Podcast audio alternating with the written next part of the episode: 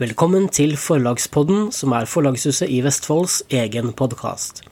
Vi snakker med aktuelle forfattere, forlagsfolk og ellers andre som har kommentarer om det som foregår i bokbransjen relatert til oss.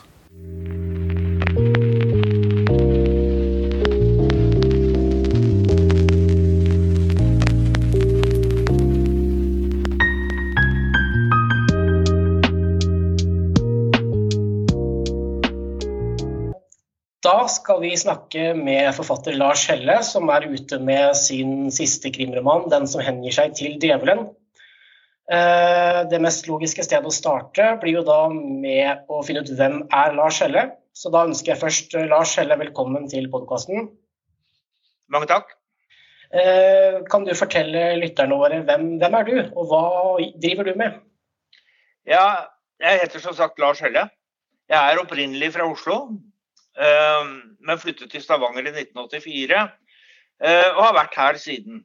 Da var jeg først lærer på barneskolen noen år, og så var jeg på ungdomsskolen noen år. og Så tok jeg et hovedfag i pedagogikk og underviste i lærerutdanninga ved Universitetet i Stavanger fram til for to og et halvt år siden, da jeg gikk av med pensjon. Og ved siden av det så har jeg skrevet en del fagbøker, og jeg har skrevet nå ti kriminalromaner. Ja, og da er den siste av dem den som hender seg til djevelen, som kom ja. for et par måneder siden. Riktig. Mm. Den kom i, kom i, mai. Stemmer det. Veldig fint omslag på den, syns jeg. Ja, det coveret er jo helt enestående, syns jeg. Det er et virkelig blikkfang. Og ja. reflekterer innholdet i boka ganske godt. Ja. Jeg må være helt ærlig nå, jeg har ikke fått lest boka enda, men den står på lista. Jeg leser så ja. mye, så jeg, jeg skulle helst ha lest alle bøkene til dem jeg snakker med, men jeg leser 100 bøker i året. ikke sant? Det er ikke så lett å få gjort alt til tid. Nei, det kan, kan, ikke være så greit. Mm. Ja, den står på planen. Jeg gleder meg. Eh, for å ta den boka da, som er aktuell nå, eh, kan du fortelle litt om Hva handler boka om? Kan du starte med? Ja, eh, jeg har en helt som heter Kurt Stille. Og han er krimforfatter. Eh, på et betydelig høyere nivå enn det jeg er. Eh, I tillegg så er han samboer med en skuespiller og sanger som heter Liss Krogh. Og denne historien har, sitt, har eh, sin opprinnelse i at Liss blir invitert til eh, et sted der de har feriert for å være instruktør på noe de kaller Rognvik-spelet. Og det tar for seg historien til ei dame som ble brent på bålet som heks på 1600-tallet. Kurt ser egentlig for seg at dette skal bli en ganske fredelig sommer, hvor han kan drive og skrive litt, og Liss kan drive og være instruktør. Eh, men så blir det litt mer dramatisk enn som så. Eh, fordi eh, dette stedet har et asylmottak som har møtt en del motstand i lokalmiljøet, spesielt fra en demokratpolitiker, altså en politiker fra Demokratene som stadig legger ut eh, ganske vemmelige tweeter og Facebook-statuer mot da Liss og familie. Så det blir et lite oppgjør hvor Kurt skriver en rasende kronikk, eh, aviskronikk, og de to møtes til eh, debatt i Dagsnytt 18. Og Derfra så baller det bare på seg. Så boka har to dimensjoner. Det ene er nåtidens krimhistorie. Eh, for det skjer jo selvfølgelig både drap her. Men i tillegg så prøver så får vi utdrag fra den boka Kurt skriver om hekseprosessen, for det driver han med. Ja. Så det er en sånn balanse mellom historisk, en historisk roman og en krimroman, hvor krimromanen har størst plass. Ja, spennende. Det er jo en av de tingene jeg Jeg har jo lest, jeg leser jo omtaler av boka di, for jeg legger ut ting i sosiale medier for forlaget. Uh, ja. Så den, Jeg gleder meg veldig til det, da, for jeg syns dette med hekseprosessene og historiske ting er jo veldig spennende for min del. Så det ja. gleder, meg, gleder meg til å lese. Selvfølgelig krimhistorien også, men eh, sånne ting gjør alltid et sånn ekstra krydder som er stas. da. Eh, det er jo litt interessant, da, altså litt morsomt, fordi at um, boka er vel på nærmere 500 sider. Og av dem så er det ca. 80 sider heksefortelling, og resten er krimfortelling. Men jeg tror jeg brukte ti ganger så lang tid på å skrive de 80 sidene med heksefortelling som jeg brukte på selve Grimden-fortellinga. For det er en del research som må gjøres. Ikke sant.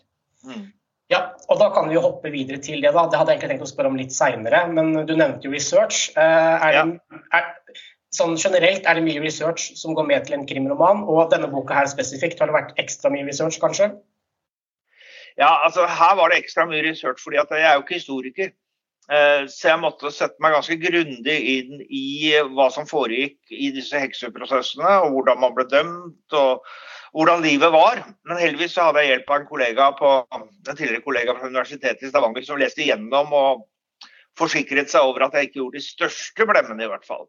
Eh, ellers er jo altså I krimfaget så, så, bør det være ganske mye research. Nå er jeg sånn at jeg gjør researchen underveis. Altså, jeg vet veldig mange gjør det på forhånd, men jeg gjør det underveis. Altså, I det øyeblikket jeg har skrevet noe som jeg tenker dette må jeg dobbeltsjekke, her må jeg gå litt dypere, så begynner jeg researchen. Og Det er jo betydelig enklere i dag enn da jeg debuterte som krimforfatter i 2004. Mm. Riktignok var internett kommet da, men da satt jeg mye på, i, på biblioteker og avisredaksjoner og bladde gjennom gamle aviser.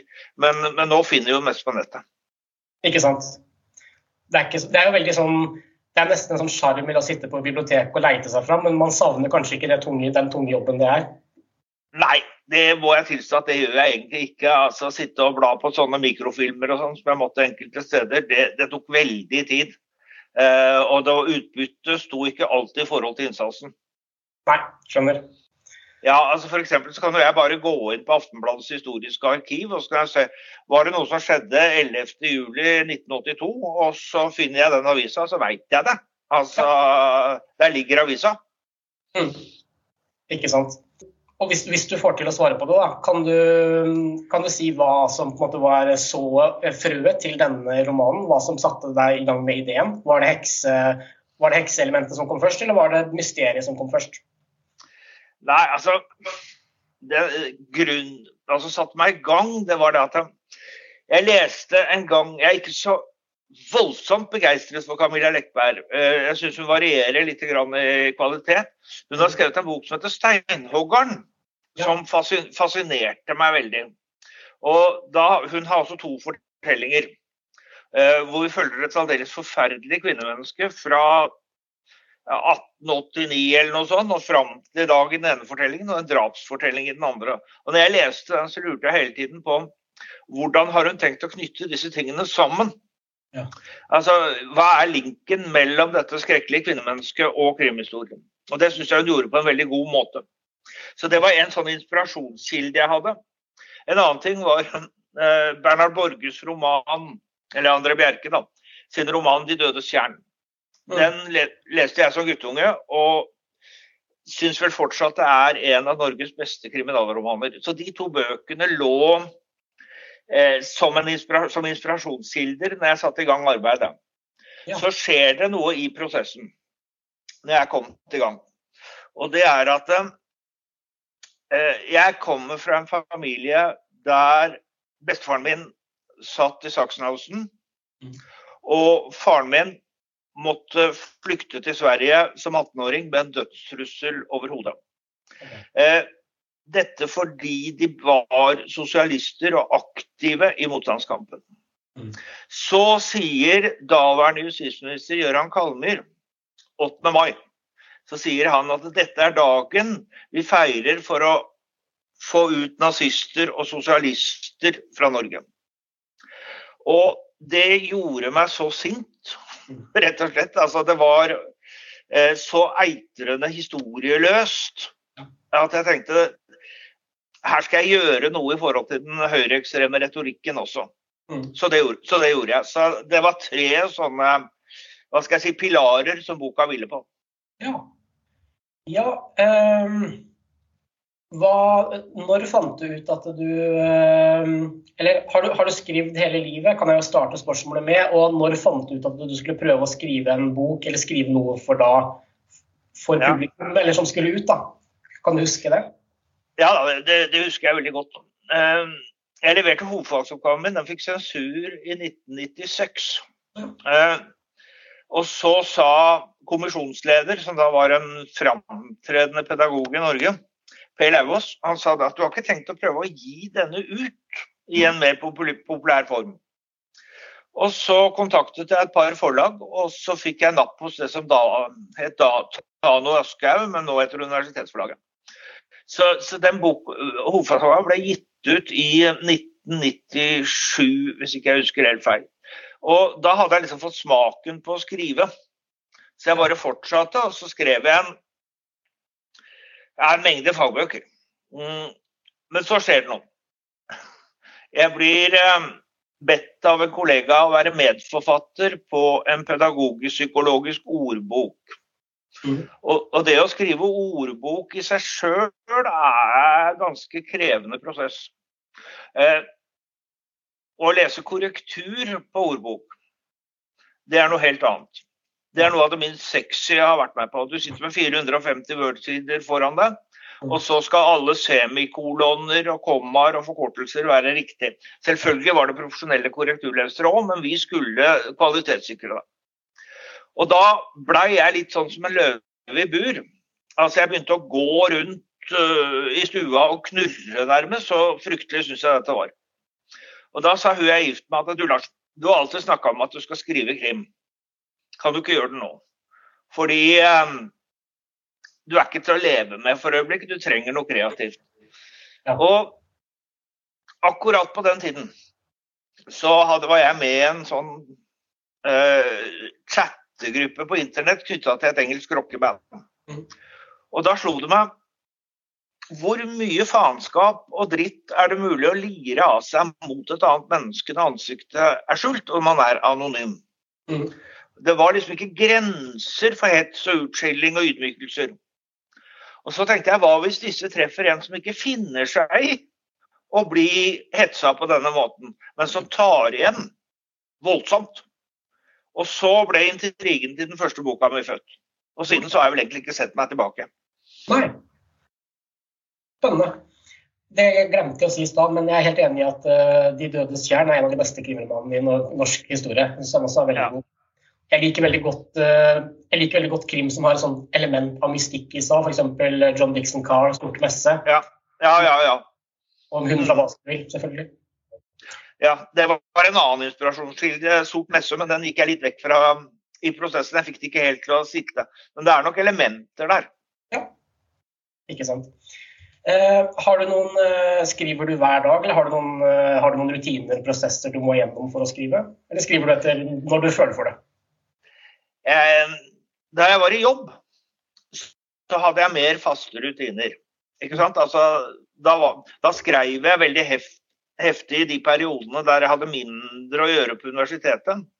Og da hadde jeg også sånn selvlagde deadliner, fordi jeg visste at ålreit, 1.10 så får jeg et voldsomt undervisningskjør. Da må jeg ha sendt noe til forlag. Så jeg liksom jobba intenst i de periodene jeg kan så voldsomt mye på universitetet.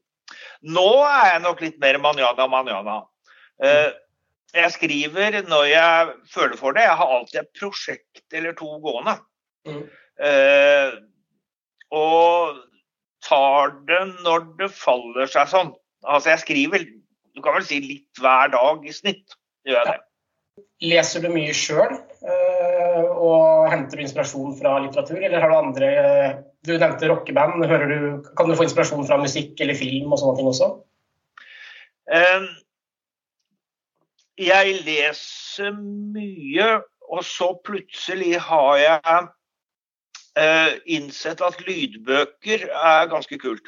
Mm. Så jeg har en datter og et barnebarn i Oslo, så jeg har, kjører av og til dit. Og da hører jeg alltid lydbok. Og jeg hører lydbok når jeg trener, når jeg går tur osv. Så, videre. så leser jeg alltid litt på senga. Ja. Uh, så jeg leser mye krim, mm. og nærmest bare det. For da jeg drev med hovedfag, så leste jeg såpass mye fag at jeg orket ikke litt sånn tyngre litteratur på senga.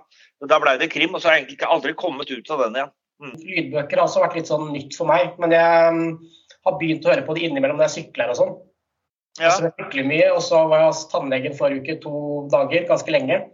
Og da ja. hørte jeg på lydbok mens jeg lå der, og det gjorde jo hele, hele tannlegebesøket mye bedre. Ja, ja jeg syns um, lydbøker er en vidunderlig oppfinnelse. Og det er vel kanskje i den retninga veldig mye går, da. Ja. At papirboksalget stuper og Storytile tjener mye penger. Ja, ikke sant. Ja, det er jo, men bokbransjen har jo holdt ut ganske lenge i forhold til f.eks. For musikkbransjen, hvor det har vært eh, digitalt i mange år. Ja. ja. Det er jo litt, det er jo litt trist, da. Altså, jeg, jeg hører mye lydbok, og jeg bruker Spotify. Mm. Men uh, jeg er musikkelsker, og så har jeg et sånt prinsipp om at de artistene jeg gjerne vil skal fortsette å gi ut plater, de ja. kjøper jeg. De utgivelsene kjøper jeg. Ja. Så rett og slett fordi jeg tenker at det er det lille jeg kan bidra med. Mm. De, for å få f.eks. Eh, ja, favorittgruppene mine til å gi ut mer musikk, så er det kun det. Å gå på konsertene deres hvis de er her. Mm. Helt enig. Og fordi de får nesten ingenting fra en Spotify-avspilling. Det skal jo ja. 18 millioner til før de på en måte får noe igjen for det. Ja. Eh, hva kan du pitche leserne litt, da? F.eks. de som ikke har lest en Lars Helle-bok. Hva er det som, Hvis du kan si det sjøl, hva kjennetegner en Lars Helle-krim? Um, jeg vil si det er to ting, hvis jeg skal løfte fram to ting. Mm. Uh, det første er at det er en who done it-bøker. Altså jeg ønsker å skrive slik at det blir en slags konkurranse mellom meg og leseren. Ja. Altså, kan de klare å løse gåten i boka før jeg som forfatter velger å avsløre den? Da er det de som har vunnet. Ja. Hvis de ikke vet det, så er det jeg som vinner. Mm. Det er den ene. Jeg legger ut tilstrekkelig blindspor til at de skal klare å finne ut hvem som har gjort det. Eh, det andre er vel at jeg bruker humor i kanskje litt større grad enn krimforfattere flest. Ja. Eh, altså ikke denne, bare denne mørke, kjappe replikkvekslinga, men også i skildringer og beskrivelser av folk. Mm. Uh, har du noen steder på internett hvor leserne kan følge deg, eller følge med på nyheter Jeg har en Facebook-side som heter Lars Helles krimbøker med ca. 630 følgere eller noe. Det har jeg. OK, så da kan man følge deg der. Ja, det kan de. Altså, jeg er ikke så veldig aktiv. Jeg legger ut nyheter og legger ut kommentarer, og vi legger ut dette denne podkasten f.eks. Ja, ja. Det er sånne ting. Mm. Ja, ikke sant. Da har jeg egentlig ikke så veldig mange flere ting på hjertet. Eh, Nei. Så da ønsker jeg å si tusen takk for at du stilte opp, og ønsker deg lykke til videre med både denne boka og kommende bøker. Takk skal du ha. Det var hyggelig å være med. Tusen takk for at jeg fikk lov. Mm. Ha det bra. Fine greier. Ha det. Ha det. Ha det.